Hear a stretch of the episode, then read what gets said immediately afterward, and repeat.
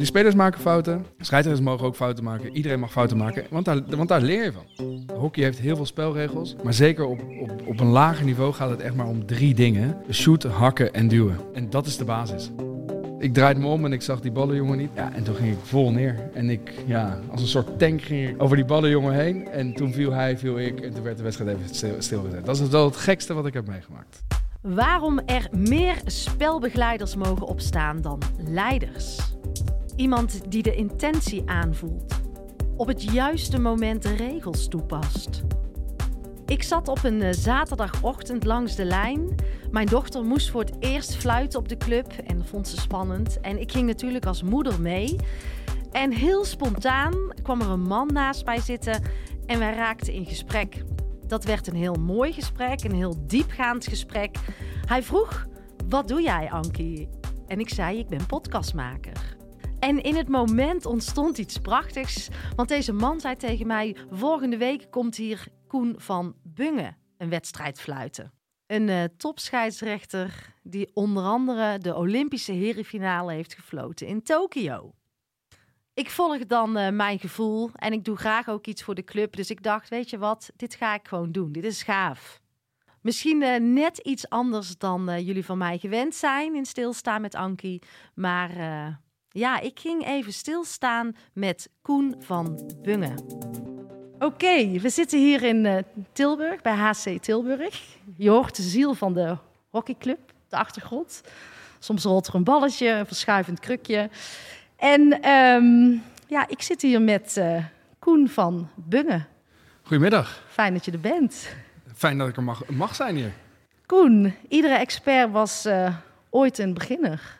Ik hoor dat jij um, de Olympische Spelen wederom gaat fluiten in Parijs dit Klopt, keer. ja.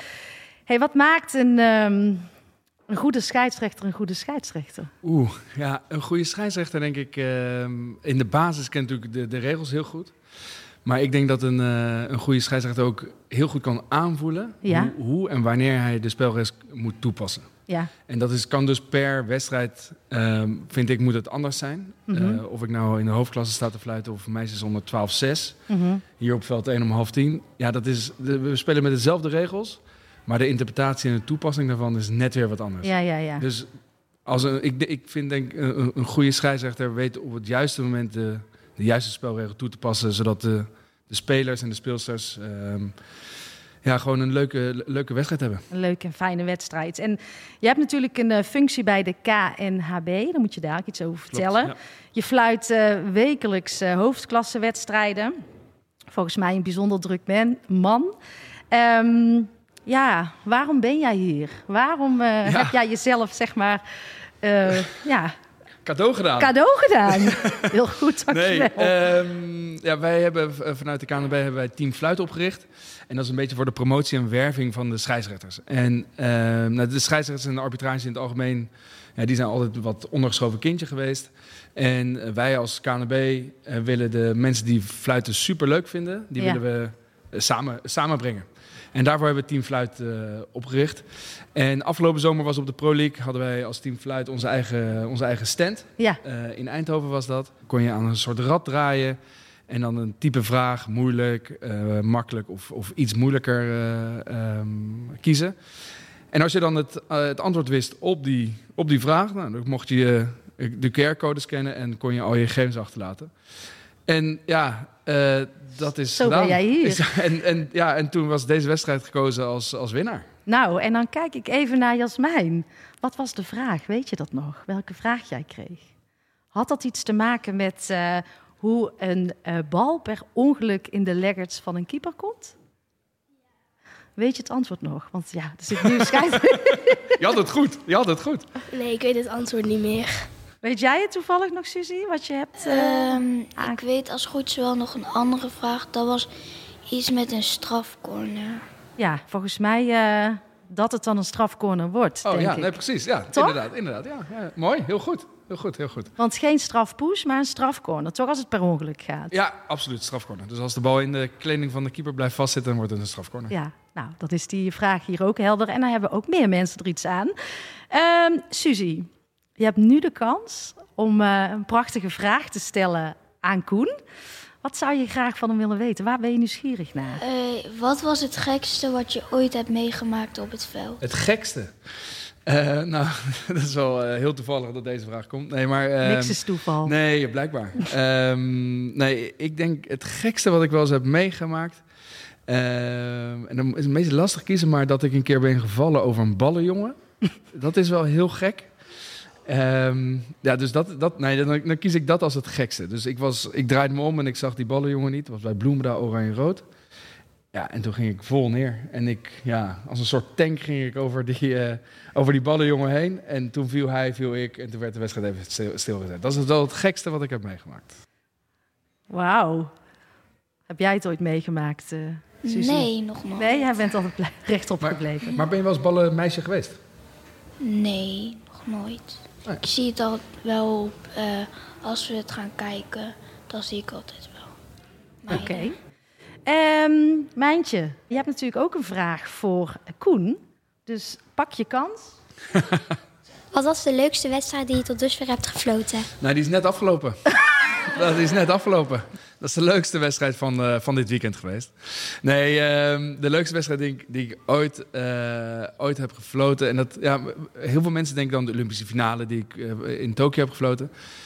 Um, maar het is vaak gewoon een wedstrijd op wat lager niveau. Waar het gewoon echt om het plezier gaat. Waar ik ook aan, echt kan bijdragen aan het plezier van de spelers en speelsters. Um, dus ja, oprecht. Ik denk dat dit vandaag weer een hele leuke wedstrijd was.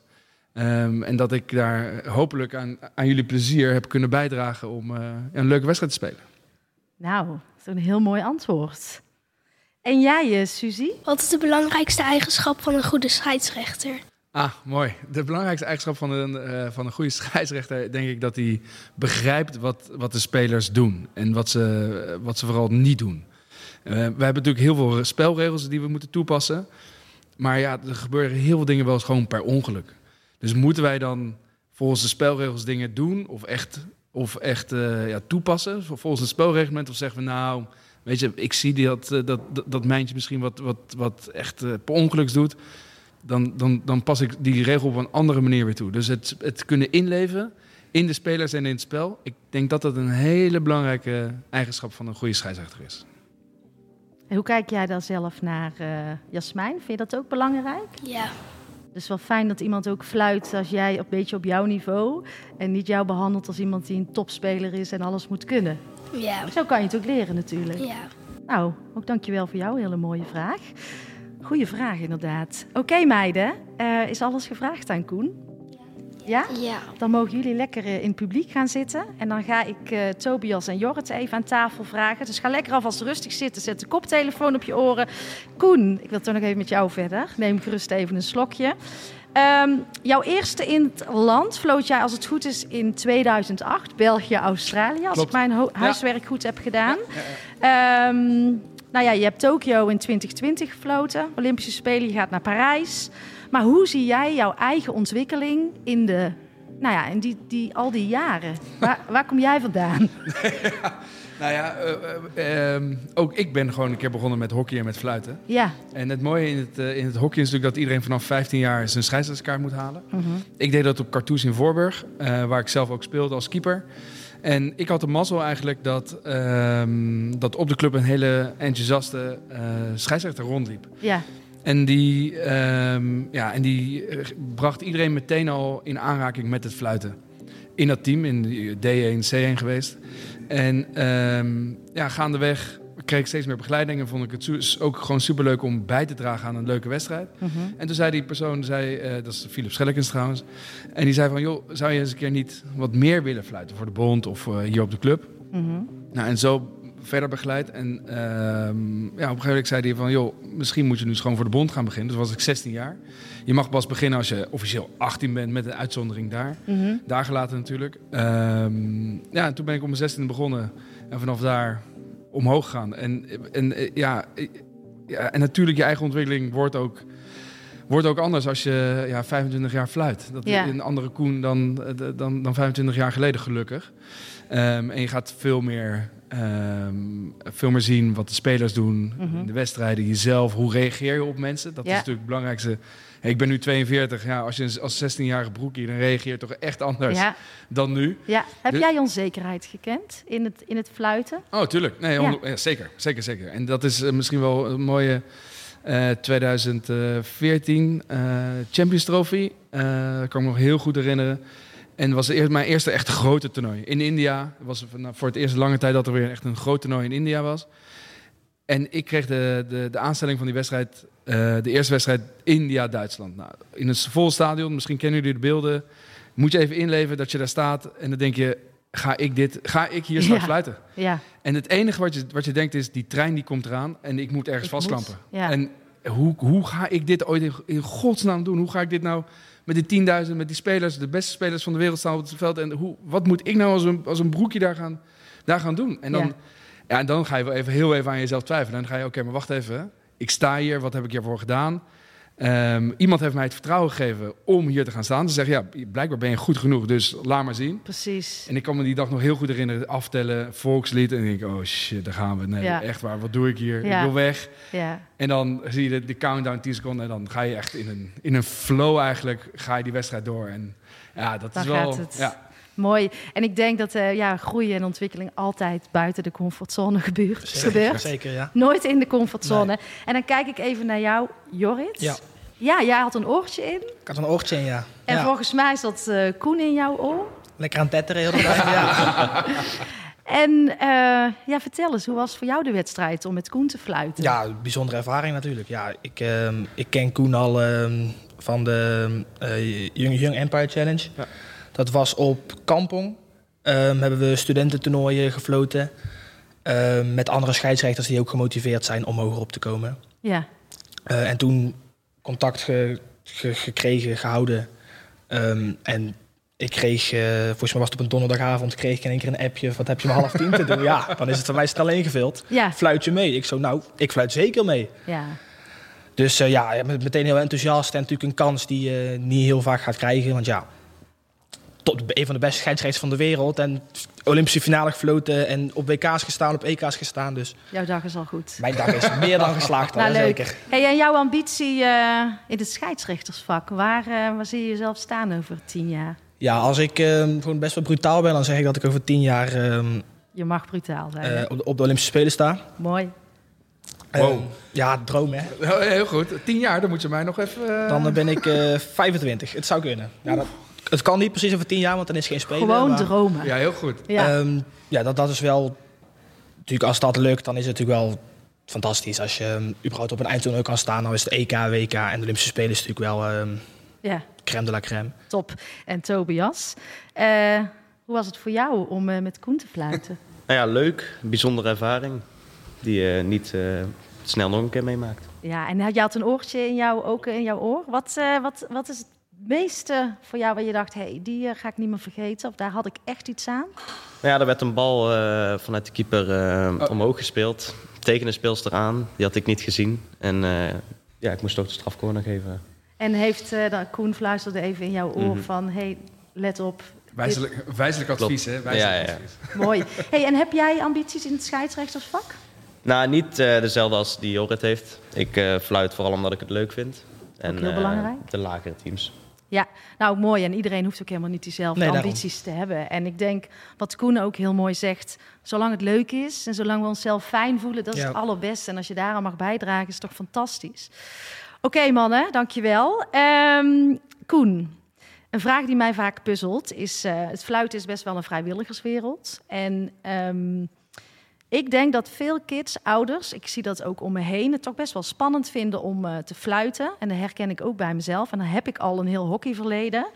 Ehm, toch een stukje afwijzing voelen, onzeker zijn, bang dat je het verkeerd doet. Hoe kunnen we daar doorheen komen met elkaar? Nou, door het vooral heel erg simpel te houden. En ehm, ja, hockey heeft heel veel spelregels. Maar zeker op, op, op een lager niveau gaat het echt maar om drie dingen. Shooten, hakken en duwen. Ja, En dat is de basis. Ja. En die meiden of die jongens, die weten die andere regels ook niet. Dus als wij proberen als beginnende scheidsrechter onwijs dingen te gaan doen die de spelers niet eens begrijpen, ja, dan ga je het heel erg moeilijk maken voor jezelf. Ja, En shoot ziet iedereen, hakken hoort iedereen. En duwen, als er iemand op de grond ligt, dan zal er wel ergens wat ge- gedaan, eh, een, een overtreding zijn geweest. Dan moet je fluiten. ja, Dus ga echt naar de basis. Als, Ja. als een beginnende scheidsrechter, kijk heel goed, joh, het gaat maar echt om drie dingen bij, op dit niveau. Shoot, hakken en duwen. ja. En maak het niet te moeilijk, niet voor jezelf, niet voor de spelers. En ja, de ouders zijn vaak een, nou ja, een, een probleem, wil ik. nou, Uitdaging, een uitdaging zijn uitdaging, dat. heel goed, heel mooi, is heel goed gezegd. ja. Een uitdaging. En dat is wel grappig, als, als ik ergens kom op, in het land en ik vraag aan ouders die de jongste jeugd moeten gaan fluiten, van joh, wie heeft er wel eens gefloten? Dan steek, nou, nog, steken er misschien drie hun hand op. Mhm. En, de- en vaak de anderen, maar waarom hebben die nog nooit gefloten? Ja, ik ben bang voor de ouders. Ik zeg, oké, dus iedereen die hier in de zaal zit, daar Ja. ben jij bang voor. ja. Ja, maar die spelers maken ook. Die spelers maken fouten. Scheidsrechters mogen ook fouten maken. Iedereen mag fouten maken. Want daar, want daar leer je van. Ja. ja, dus jij zegt maak het kleiner, behapbaarder en vooral laagdrempeliger. Ja, daar ben ik het wel mee eens. Daar ben ik het zeker mee eens. Ehm, niemand is perfect. Wat was jouw slechtste wedstrijd ooit? Nou, gelukkig niet die van vandaag. Dat is, eh, want dat was de leukste en eh, mijn beste. Nee, eh, de, mijn slechtste wedstrijd ooit. Eh, en daar heb ik heel veel van geleerd, gelukkig. Ehm, eh, ik denk dat dat eh, een wedstrijd in, eh, in de toen nog eh, World League was. Eh, Pakistan, eh, Argentinië, waar ik echt nou, een aantal fouten maakte. Dat ik dacht van, nou, deze, fout, deze A wil ik deze wedstrijd nooit meer zien. Dat Kan ik echt- deze online bekijken? Of ja, nou ja, als je heel goed zoekt, ver weg in de krochten van YouTube staat hij nog wel ergens. Ga ik even mijn best doen straks. Kun je van leren? Ehm, nee, maar daar, daar zijn wel een paar dingen gebeurd waarvan ik ehm, dat ik weer terugging eigenlijk als je achteraf dat gaat evalueren en analyseren vooral Mhm. ook. Dat je dan terug bent, als terug gaat naar de basis. En die basis is goed, Mhm. alleen niet goed genoeg voor die wedstrijd geweest. Of dan gebeurden de dingen. eh, Pakistan is altijd een uitdaging om te fluiten. Argentinië een nog grotere uitdaging met de emotionele reacties die de spelers geven. Mhm.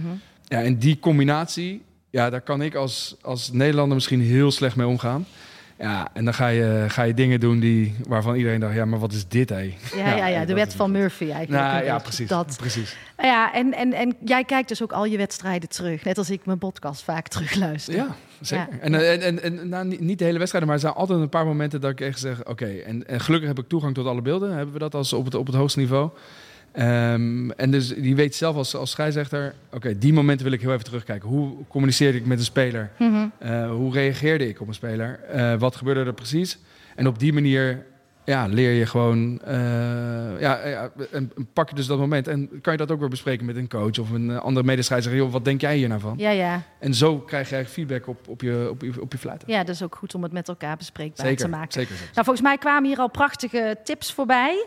Ehm, ja, misschien toch wel ook wel. Wat is nou de meest voorkomende fout die in een wedstrijd gebeurt, wat aandacht nodig heeft in het fluiten? Wat zie jij dan? Ik wil het eigenlijk geen fout noemen. Ik heb al een hekel aan het woord fout, maar ik kwam even niet op een ander woord. Nee, ja, ik blijf, ik blijf, ik blijf en misschien dat ik het herhaal, maar dat, dat, ehm, dat de scheidsrechter denkt dat hij de echte leiding heeft over een wedstrijd. Ja, We moeten spelbegeleiders zijn Ja. in de basis. ja, En, eh, en de, echt die spelbegeleiding en snappen wat die meiden nodig hebben. Die meiden die, die gaan het echt niet opzettelijk iemand op deze leeftijd, mag ik hopen in ieder geval, maar ik, ik ga ervan uit. Die duwen niet iemand echt opzettelijk over de zijlijn. Die, die, die Nee. hakken niet op. Dat gaat allemaal, ze willen, de, kijk heel goed eens naar wat de intentie is. Ze willen naar de bal, ja, ze zijn te laat. Ja, nou oké, ja, het is een stikhak.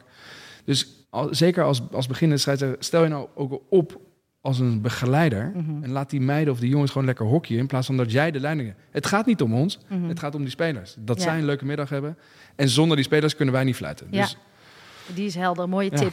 Laatste, hoe geven wij meer aandacht, vertrouwen aan het eh, scheidsrechtersvak? Wat is dan nodig om dat vertrouwen meer te creëren? nou, dat je binnen een club geval aandacht aan, aan besteedt. En, ehm, en ook laat zien dat fluiten erbij hoort. Mhm. En degene die het echt heel erg leuk vinden, het fluiten, die moet je ehm, misschien nog meer aandacht geven. Want dat zijn degenen die in plaats van één of twee keer in het seizoen fluiten, misschien wel vijf of zes keer in een seizoen. Dus Ja. ga, die, ga de mensen die het fluiten leuker vinden dan de rest, want in de basis fluiten is niet leuk.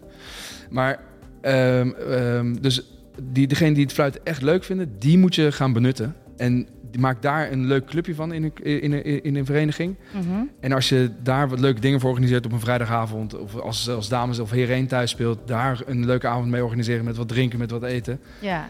Ja, dan, dan, dan zal je zien dat op de eerste avond komen er twee man. Op de, op de tweede komen er vier. En zo gaat het daar maar door. Omdat iedereen denkt, hé, hey, dat is een leuke club. Dat Daar is het allemaal- fijn. Dat is dus fijn, want dat zijn allemaal mensen die, die hetzelfde denken als ik. Ja.